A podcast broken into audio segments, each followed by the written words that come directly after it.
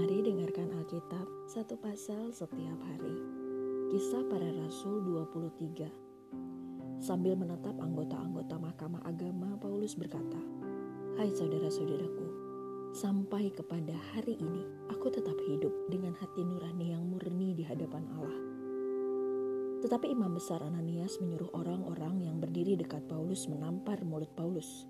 Membalas itu, Paulus berkata kepadanya, Allah akan menampar engkau, hai tembok yang dikapur putih-putih. Engkau duduk di sini untuk menghakimi aku menurut hukum Taurat. Namun engkau melanggar hukum Taurat oleh perintahmu untuk menampar aku. Dan orang-orang yang hadir di situ berkata, Engkau mengejek imam besar Allah. Jawab Paulus, Hai saudara-saudara, aku tidak tahu bahwa ia adalah imam besar. Memang ada tertulis, Janganlah engkau berkata jahat tentang seorang pemimpin bangsamu. Dan karena ia tahu bahwa sebagian dari mereka itu tergolong orang Saduki dan sebagian termasuk golongan orang Farisi, ia berseru dalam mahkamah agama itu katanya, Hai saudara-saudaraku, aku adalah orang Farisi, keturunan orang Farisi.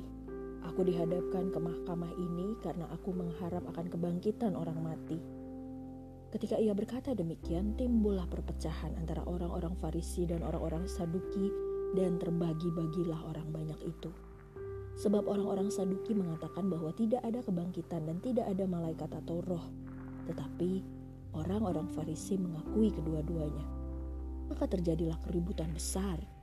Beberapa ahli Taurat dari golongan Farisi tampil ke depan dan membantah dengan keras. Katanya, kami sama sekali tidak menemukan sesuatu yang salah pada orang ini. Barangkali ada roh atau malaikat yang telah berbicara kepadanya. Maka terjadilah perpecahan besar, sehingga kepala pasukan takut kalau-kalau mereka akan mengoyak-ngoyak Paulus.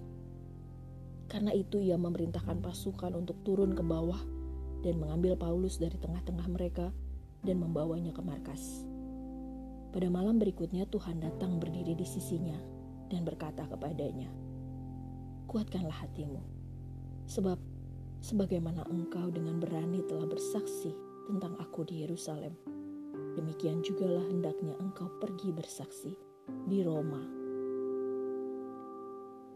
Komplotan orang-orang Yahudi. Dan setelah hari siang, orang-orang Yahudi mengadakan komplotan dan bersumpah dengan mengutuk diri bahwa mereka tidak akan makan atau minum sebelum mereka membunuh Paulus. Jumlah mereka yang mengadakan komplotan itu lebih daripada 40 orang. Mereka pergi kepada imam-imam kepala dan tua-tua bangsa Yahudi dan berkata, Kami telah bersumpah dengan mengutuk diri bahwa kami tidak akan makan atau minum sebelum kami membunuh Paulus. Karena itu, hendaklah kamu bersama-sama dengan mahkamah agama menganjurkan kepada kepala pasukan supaya ia menghadapkan Paulus lagi kepada kamu, seolah-olah kamu hendak memeriksa perkaranya lebih teliti. Dan sementara itu, kami sudah siap sedia untuk membunuh dia sebelum ia sampai kepada kamu.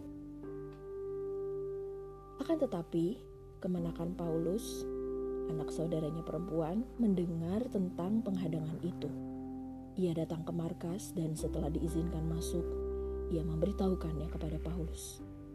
Lalu Paulus memanggil salah seorang perwira dan berkata kepadanya, "Bawalah anak ini kepada kepala pasukan, karena ada sesuatu yang perlu diberitahukannya kepadanya."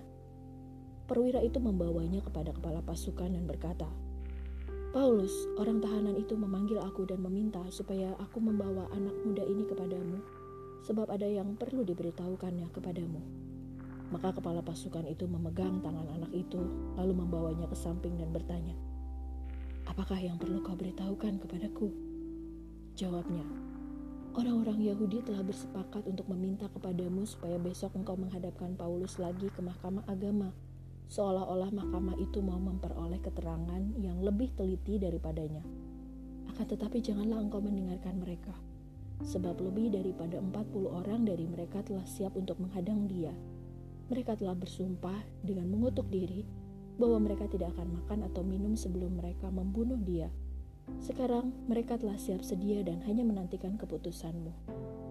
Lalu kepala pasukan menyuruh anak muda itu pulang dan memerintahkan kepadanya, Jangan katakan kepada siapa pun juga bahwa engkau telah memberitahukan hal ini kepadaku. Paulus dipindahkan ke Kaisarea.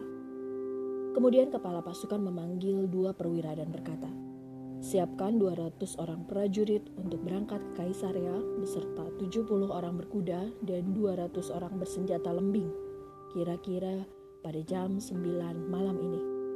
Sediakan juga beberapa keledai tunggang untuk Paulus dan bawalah dia dengan selamat kepada wali negeri Felix.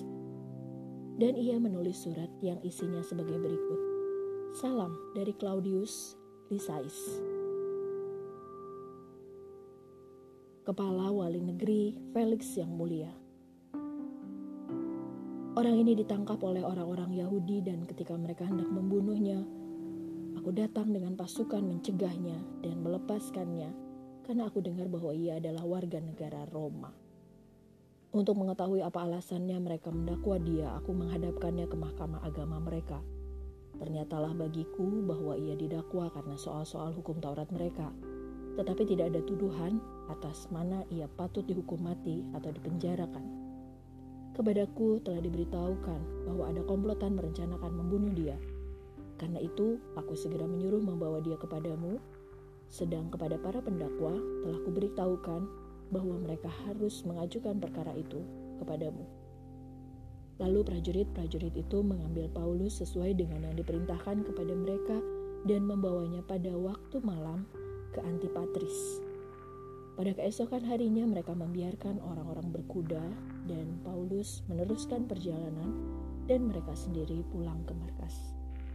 Setibanya di Kaisarea, orang-orang berkuda itu menyampaikan surat itu kepada wali negeri serta menyerahkan Paulus kepadanya. Dan setelah membaca surat itu, wali negeri itu menanyakan Paulus dari provinsi manakah asalnya. Dan ketika ia mendengar bahwa Paulus dari Kilikia, ia berkata, Aku akan memeriksa perkaramu bila para pendakwamu juga telah tiba di sini. Lalu ia menyuruh menahan Paulus di istana Herodes. Terima kasih sudah mendengarkan. Tuhan Yesus memberkati.